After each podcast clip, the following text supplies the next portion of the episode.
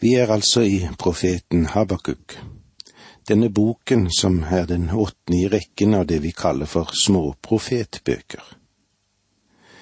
Denne boken er kanskje noe for annerledes enn de øvrige profetbøkene, fordi profeten ikke henvender seg verken til sitt eget folk eller til andre, men han henvender seg til Gud, alene til sin Gud. De to første kapitlene de består av en samtale mellom Gud og profeten, mens det tredje kapitlet utgjøres av en hymne. Det er de indre forhold i Juda det her er tale om. Hele samfunnet er korrupt. Den som har makten, han har retten. De svake, de må lide og tie og eh, de som må lide mest, det er de gudfryktige som verken vil bruke makt, svik eller urett. De blir derfor utnyttet, og de blir undertrykket av de ugudelige. Dette anfekter profeten, og det som anfekter hans, han mest, er at Gud ikke griper inn. I det andre verset her i det første kapitlet står det, Hvor lenge, Herre, skal jeg rope uten at du gir meg svar? Klage og skrike til deg om vold uten at du frelser. Det blir en pine for profeten dette at den allmektige og hellige Gud lar alt dette onde skje. Hvorfor lar du meg skue urett, og hvorledes kan du selv se på slik elendighet?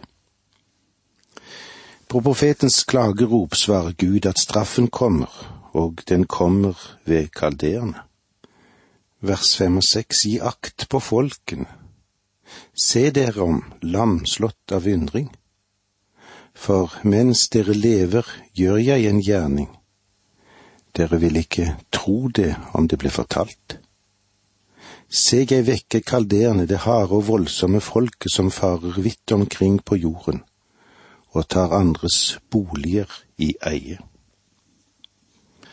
Det var altså et kulturfolk, men i sin erobringslyst, sin hersketrang, sin hensynsløshet, sin råhet, sin havesyke var de villige og voldsomme, disse. Herren vil nå la deres villskap slippes løs over verden. Ser vi litt på de andre profetene, Nahum, Habakuk og Sefenja, så har disse tre veldig mye felles. Hver av disse ser på Guds behandling av menneskeslekten fra litt forskjellige vinkler, da. De viser hvordan Gud ved sin makt styrer også gjennom menneskets makt. De tar også opp spørsmål om Guds ledelse med enkeltmennesker. En annen likhet med disse tre profetene, Nahum, Habakuk og Sefenja, er at det dukker opp omtrent samtidig, disse, i samme tidsperiode. Faktisk så kunne de alle ha operert på samme tid, og det er mulig at de gjorde det. Det er vanskelig å fiksere spesielle data for profetene eller for noen av de bøkene som vi finner i Det gamle testamentet, og grunnen er, selvfølgelig, at nøyaktige tidsangivelser ikke var så veldig viktig. I det minste vet vi at alle tre profetene de fungerte innenfor denne tidsepoken som var mellom Josias regjeringstid og kong Jojakin.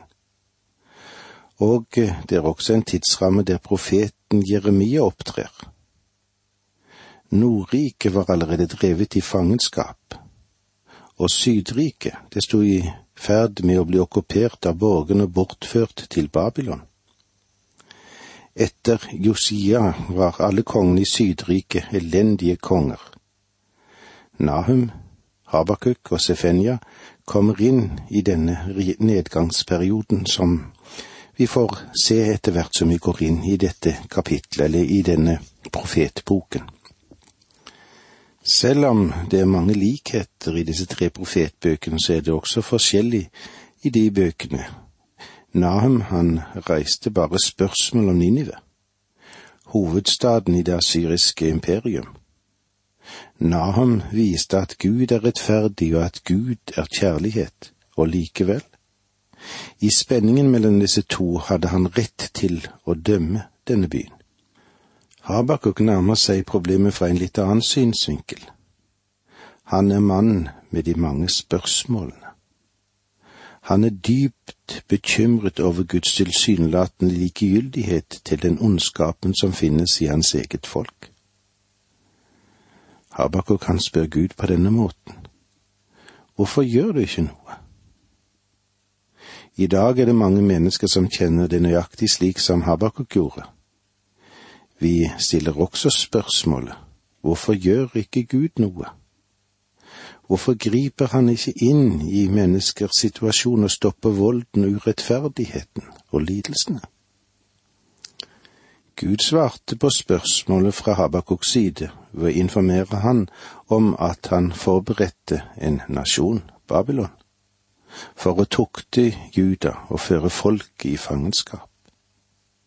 Om de da ikke valgte en annen vei? Vel, om du synes at Habakuk hadde et problem i tidligere tider, ja, så kan du sannelig se at han ikke hadde hatt det mindre problemer om han hadde levd i dag.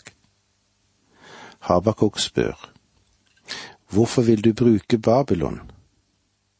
Et folk som klart er mer brutalt, mer hedensk, mer opptatt av avgudsdyrkelse enn ditt eget folk, for å dømme Juda. Gud åpenbarer for Habakuk at han ikke var ferdig med Babylon, men ville dømme det riket også. Det er dette som er Guds metode. Denne boken som vi nå er inne i, er svært viktig i forhold til Det nye testamentet. Det er vel generelt anerkjent at de tre fremste lærebøkene i Det nye testamentet er Romerbrevet, Galaterbrevet og Hebreerbrevet. Alle disse brevene siterer fra profeten Habakuk. Faktisk er Habakuk to-fire bakgrunnen for deres budskap. Men den rettferdige skal leve ved sin tro. Så denne lille profetboken er, sett med bakgrunn av Skriftens sist horisont, svært så viktig. Ikke la deg lure av at den er kort, at det kan virke som om den har liten betydning. Viktigheten er ikke bestemt av hvor mye du sier, men hva du sier. Når det gjelder forfatteren eller navnet Habakuk, så betyr det å omfavne. Og Martin Luther han har gitt en slående definisjon av dette navnet. Han sier det slik. Habakuk betegner en som omfavner det vil si omfavne andre, tar dem inn i armene sine.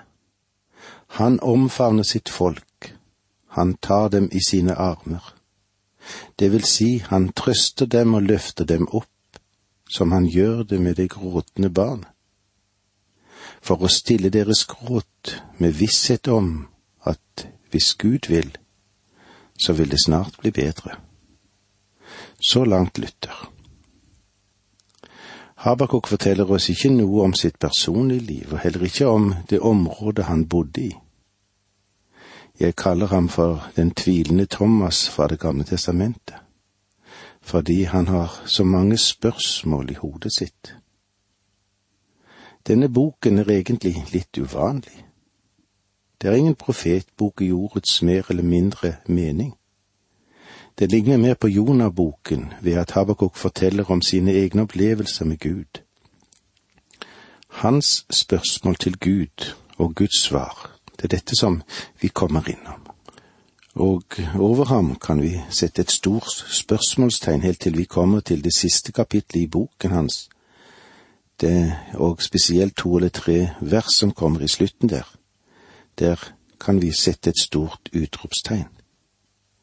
Denne boken er en personlig erfaring, en erfaring som en profet har hatt, fortalt i poetisk form, og der avviker han fra Jonas, som skrev i prosaform. Habakuk er en interessant mann, og han har skrevet en vakker bok med høy litterær verdi. Det avsluttende kapittelet er faktisk en sang eller en salme der han lovpriser og opphøyer Gud. Vi kan trygt erklære det ved å være et vakkert stykke litteratur. Og det var det vi fikk med oss nå i dag. Takk for nå, må Gud være med deg. Dette undervisningsprogrammet består av to deler. Åge Nevland fortsetter nå med andre del av dagens undervisning.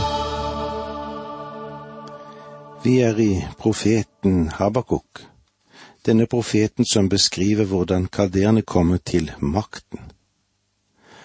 Habakuk han hadde sett hvordan dette mektige folket ble brukt når det gjaldt dommen over Ninive og det så ut til at de var Guds redskap. Vi har sett litt på hvem som var forfatteren av denne boken, navnet Habakuk som betyr å omfavne, og så har vi formen av boken, og den avsluttende merknaden i boken, det er til korlederen med strengespill. Den forteller at denne boken, den er en sang. Dette lille notatet som ble satt der som en merknad til korleder eller til orkesterlederen. Og det siste kapittelet i boken er en vakker salme. Faktisk er hele profetboken en juvel. Delisje, han skrev det på denne måten.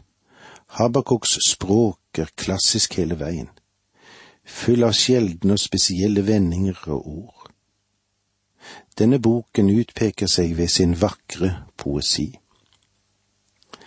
Budskapet som denne boken har, den er òg viktig å ha med oss. Den begynner i gråvær, men den slutter i solskinn og i herlighet. Den begynner med et spørsmålstegn, men den slutter med et utropstegn. Habakuk er et eneste stort hvorfor. Hvorfor, Gud, tillater du det onde, er et spørsmål som alle kan tenke seg å møte i livet. Hvordan er det med deg? Hvorfor, Gud? Jeg tror at denne boken delvis er et svar på dette spørsmålet. Vil Gud rydde opp i verdens urettferdighet? Denne boken svarer på det spørsmålet. Vil Gud gjøre noe med alt det gale i denne verden? Denne boken sier at det vil han. Etter min mening er det mulig å samle Thomas' sin tvil i Det nye testamentet og Habakuks tvil i Det gamle testamentet. Og vi kan òg trekke inn det moderne menneskets bekymring i dette ene ordet hvorfor. Det er jo kanskje det grunnleggende spørsmål for hele menneskeheten, dette. Når vi reduserer alle spørsmål til det minste felles mål, kommer vi altså til det mest grunnleggende spørsmålet hvorfor? Nå forstår du sikkert at Habakuks budskap er nesten det motsatte av Nahums sitt budskap. I Nahums bok beveget Gud seg til dom, og spørsmålet var hvordan kan Gud være en kjærlighetens Gud og dømme som han gjør? Her i Habakuk er det motsatt. Hvorfor gjør ikke Gud noe med det onde i verden? Tema i boken, eller Habakuks tema, er tro. Han er blitt kalt for troens profet og det klare og mektige uttrykket finner vi i det andre kapitlet, vers fire. Men den rettferdige skal leve ved sin tro. Dette blir senere sitert tre ganger i Det nye testamentet. Vi finner det i Romerbrevet 1.17. For i det åpenbares Guds rettferdighet, av tro og til tro, slik det står skrevet. Den rettferdige skal leve ved tro. Og i Galaterbrevet 3,11. Og når det står skrevet, den rettferdige skal leve ved tro, er det klart at ingen blir rettferdig for Gud ved loven. Og i Hebreerbrevet 10.38. Min rettferdige skal leve ved tro, men trekker han seg tilbake, har jeg ikke behag i ham. Går vi videre og ser på innholdet i denne profetboken, så kan vi kanskje sette opp tre hovedtemaer. Profetens forvirring, profetens forståelse og profetens glede, som vi finner i kapittel tre. Men altså profetens forvirring i det første kapitlet. Her vil vi stoppe opp for de første fire versene i det første kapitlet, altså profetens første problem. Hvorfor tillater Gud det onde? Vi får se Guds svar i fra det femte til ellevte verset. Gud oppreiste kalderene for å tukte Juda, som vi finner òg i det sjette verset. Og så har vi profetens andre problem, det som er større enn det første. Det finner vi i versene tolv til sytten. Hvorfor ville Gud tillate at hans folk ble straffet av en nasjon som var vondere enn det de selv var? Hvorfor knuste han ikke kaldeerne? Det er dette som vi vil komme innom i det første kapitlet. I det andre kapitlet har vi profetens forståelse, og i det første verset her i det andre kapitlet profetens praksis. Han tok sitt skjulte problem til et ensomt sted. Vi vil òg se litt på profetens tålmodighet i versene to og tre i det andre kapitlet. Han ventet på et syn. Og i det fjerde verset, der vil vi se profetens panorama. Den store delingen i menneskeslekten. Den ene gruppen som er krokveiens folk, flyter mot ødeleggelse. Den andre gruppen, ved tro, den beveger seg mot Gud. Dette er uunngåelig. Og så vil vi se på profetens lignelse fra vers fem til tyve i det andre kapitlet. Anvendelsen forklarer seg selv gjennom synet. Kalderene vil i sin tid bli ødelagt. Gud beveger seg mellom folkene. Og når vi så kommer til det tredje kapitlet, så vil vi oppleve å se hvordan profeten kan glede seg. I de to første versene profetens bønn. Profeten som ikke trodde Gud gjorde noe med det onde, ber han nå om å huske på å være barmhjertig. Var han redd for at Gud skulle gjøre for mye? Vi vil se òg på Guds program, slik vi vil finne de versene 3 til 17 i kapittel 3. Gud skrider majestetisk frem i sin egen frelsesvogn. Og så vil vi se hvordan det er med profetens posisjon. Han vil fryde seg, som det står i vers 18. Han har nå gått veien fra smerte til salighet. Dette er den inndelingen som vi kan si vi kan finne i profetboken, profeten Hambakuk, og det han har å si oss i det første kapittelet, altså profetens forvirring. I vers én leser vi slik. Dette er de domsord som profeten Habakuk fikk i sine syner. Domsord blir også betegnet som en byrde. Faktisk er ikke dette Habakuks spørsmål, men det er heller Herrens svar. Guds svar er egentlig selve profetien i Habakuks bok. Herrens svar er dom, som Habakuk og også andre profetene kalte sin byrde. Vi ser òg på profetens første problem. Habakuks første problem er dette. Hvorfor tillater Gud det onde? I vers to i kapittel én leser vi slik. Hvor lenge, Herre, skal jeg rope uten at du gir meg svar? Klage og skrik til deg om vold uten at du frelser. Hvor lenge, Herre, skal jeg rope uten at du gir meg svar? Habakuk sier til Gud at han nekter å svare på bønnen hans. Han er i en fortvilelsesnatt når han ser voldstendensene blant folket. Og Gud gjør ingenting og sier ingenting.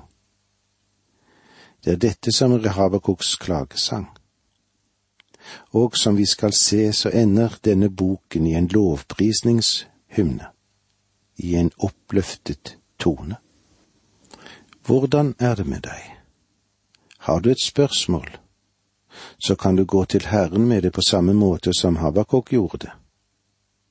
Er du ærlig, vil du nok finne et svar.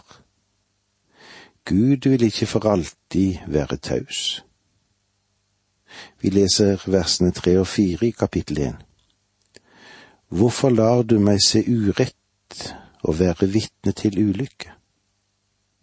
Jeg ser bare ødeleggelse og vold, det kommer til strid og trette. Derfor er loven maktesløs, og retten vinner ikke fram.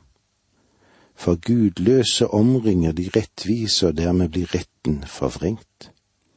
Hans store spørsmål blir da, Hvorfor tillater Gud at det onde skal fortsette blant, blant hans eget folk?